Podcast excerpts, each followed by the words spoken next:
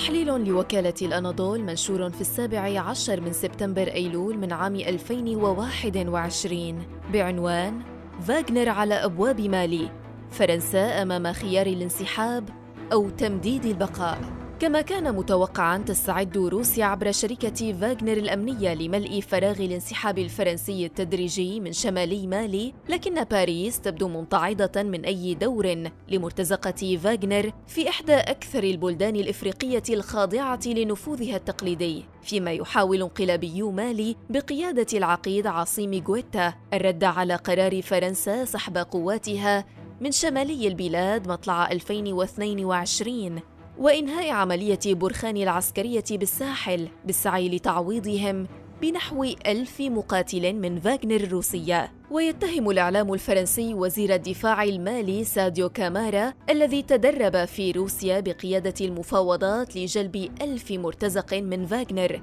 وكان كامارا زار روسيا عدة مرات منذ الانقلاب الأول الذي قاده غويتا في أغسطس آب 2020 بحسب موقع موندافريك الفرنسي. بينما تقول رويترز إن المفاوضات بين باماكو وشركة فاغنر متقدمة جداً. ومن المتوقع أن يتولى عناصر فاغنر مهمة تدريب ومرافقة الجيش المالي وضمان حماية كبار المسؤولين على غرار ما يفعلون في جمهورية إفريقيا الوسطى. لكن المقابل سيكون مكلفا بالنسبة لدولة فقيرة مثل مالي حيث تتفاوض فاغنر للحصول على ستة مليارات فرنك إفريقي وعلى حقوق استغلال عدة مناجم معدنية بينها الذهب. وهذا ما يعيق توقيع الاتفاق. فبحسب تصريح لمصدر فرنسي رفيع المستوى لموقع موندافريك فإن الماليين يعتقدون أن المقابل المادي مرتفع جدا لذلك لم يتم التوقيع على أي شيء بعد. إلا أن وزارة الدفاع المالية نفت علمها بمثل هذا الاتفاق لكنها أعلنت أنها منفتحة على المحادثات مع الجميع. وهذه رسالة من باماكو لباريس أنها أيضا تملك أوراق ضغط وبدائل في حال قررت سحب قواتها وتركها وحيدة في مواجهة التنظيمات الإرهابية الناشطة بكثافة شمالي ووسط البلاد، فالانقلابيون في مالي تعرضوا لانتقادات شديدة من باريس التي أوقفت تعاونها العسكري معهم لفترة وجيزة بعد الانقلاب الثاني لغويتا في مايو أيار الماضي، كما ضيقت عليهم الخناق سياسيا ودبلوماسيا، ويبحث الانقلابيون عن بدائل واقعية لمواجهة الضغوط الفرنسية وتمثل فاغ فاغنر إحدى هذه البدائل لإنقاذ بلادهم من الانهيار الأمني على يد الجماعات الإرهابية والانفصالية.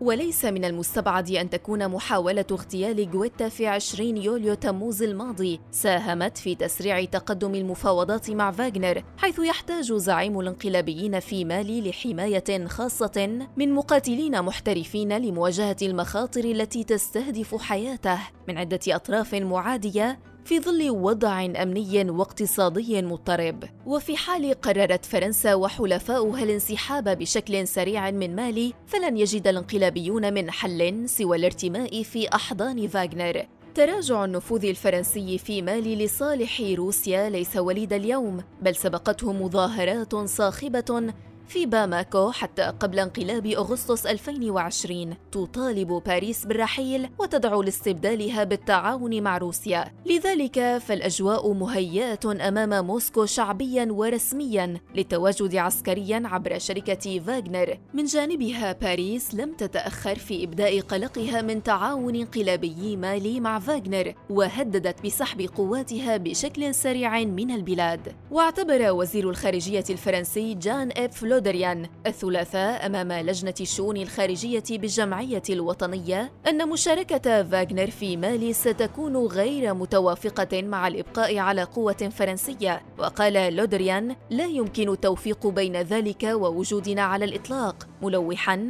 بإمكانية سحب كامل القوة العسكرية الفرنسية من كامل مالي وليس شمالها فقط. ويتواجد خمسة آلاف ومائة عسكري فرنسي في الساحل وقررت باريس في يونيو حزيران الماضي إنهاء عملية برخان العسكرية وتقليص عدد جنودها إلى النصف. كما حذر لودريان بأن مشاركة فاغنر في العمليات العسكرية ضد التنظيمات المسلحة في مالي لا يتفق مع عمل شركاء مالي الساحليين والدوليين. وتكاد تشاد أن تكون الدولة الوحيدة في مجموعة الساحل الخمسة التي تتواجد قواتها في مالي بمنطقة الحدود الثلاثة المشتركة مع النيجر وبوركينا فاسو والتي قلصتها إلى النصف مؤخراً بعدما بلغت 1200 جندي في فبراير شباط الماضي كما لوحت ألمانيا هي الأخرى بسحب قواتها من مالي والبالغة 1500 عسكري ضمن عملية تاكوبا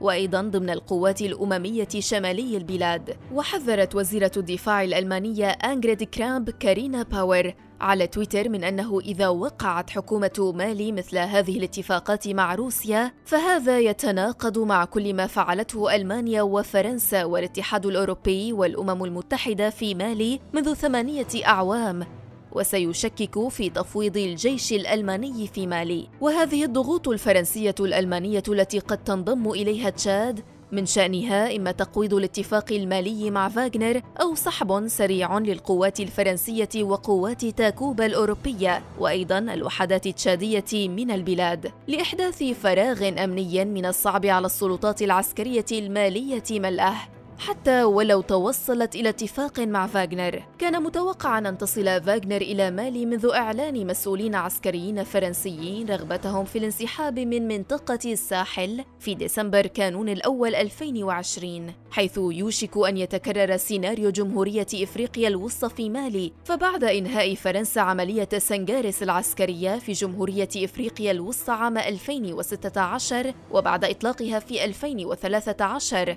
سارعت روسيا لملء الفراغ عبر إرسال نحو ألف عنصر من فاغنر بحسب موقع The Africa Report وتولت فاغنر تدريب الحرس الرئاسي وقوات الجيش وحماية كبار الشخصيات في جمهورية إفريقيا الوسطى والمشاركة في عمليات أمنية ضد المتمردين. كما أرسلت موسكو أسلحة ثقيلة إلى العاصمة بانجي مقابل استفادتها من حقوق التعدين في عدة مناجم بالبلاد. كما تتواجد فاغنر في ليبيا ولديها قواعد عسكرية في مدينتي سرت والجفرة وسط البلاد ولها حضور في إقليم فزان في الجنوب الغربي الذي تعتبره فرنسا منطقة نفوذها التاريخية وبوابة ليبيا نحو دول الساحل وبالأخص النيجر وتشاد. السودان أحد البلدان التي تنشط فيها فاغنر أيضاً في مجال التعدين والتنقيب عن الذهب ولكن لها تواجد أمني محدود في البلاد خاصة في عهد نظام عمر البشير. وانتشار فاغنر بالدول المحيطة بمنطقة الساحل يمهد لتوغلها في المنطقة انطلاقا من مالي إلا أن فرنسا لا تبدي رغبة سريعة في التخلي عن هذه المنطقة بسهولة ما قد يؤجل انسحابها منها أو ستتركها تنهار تحت ضربات التنظيمات الإرهابية أو الحركات الانفصالية.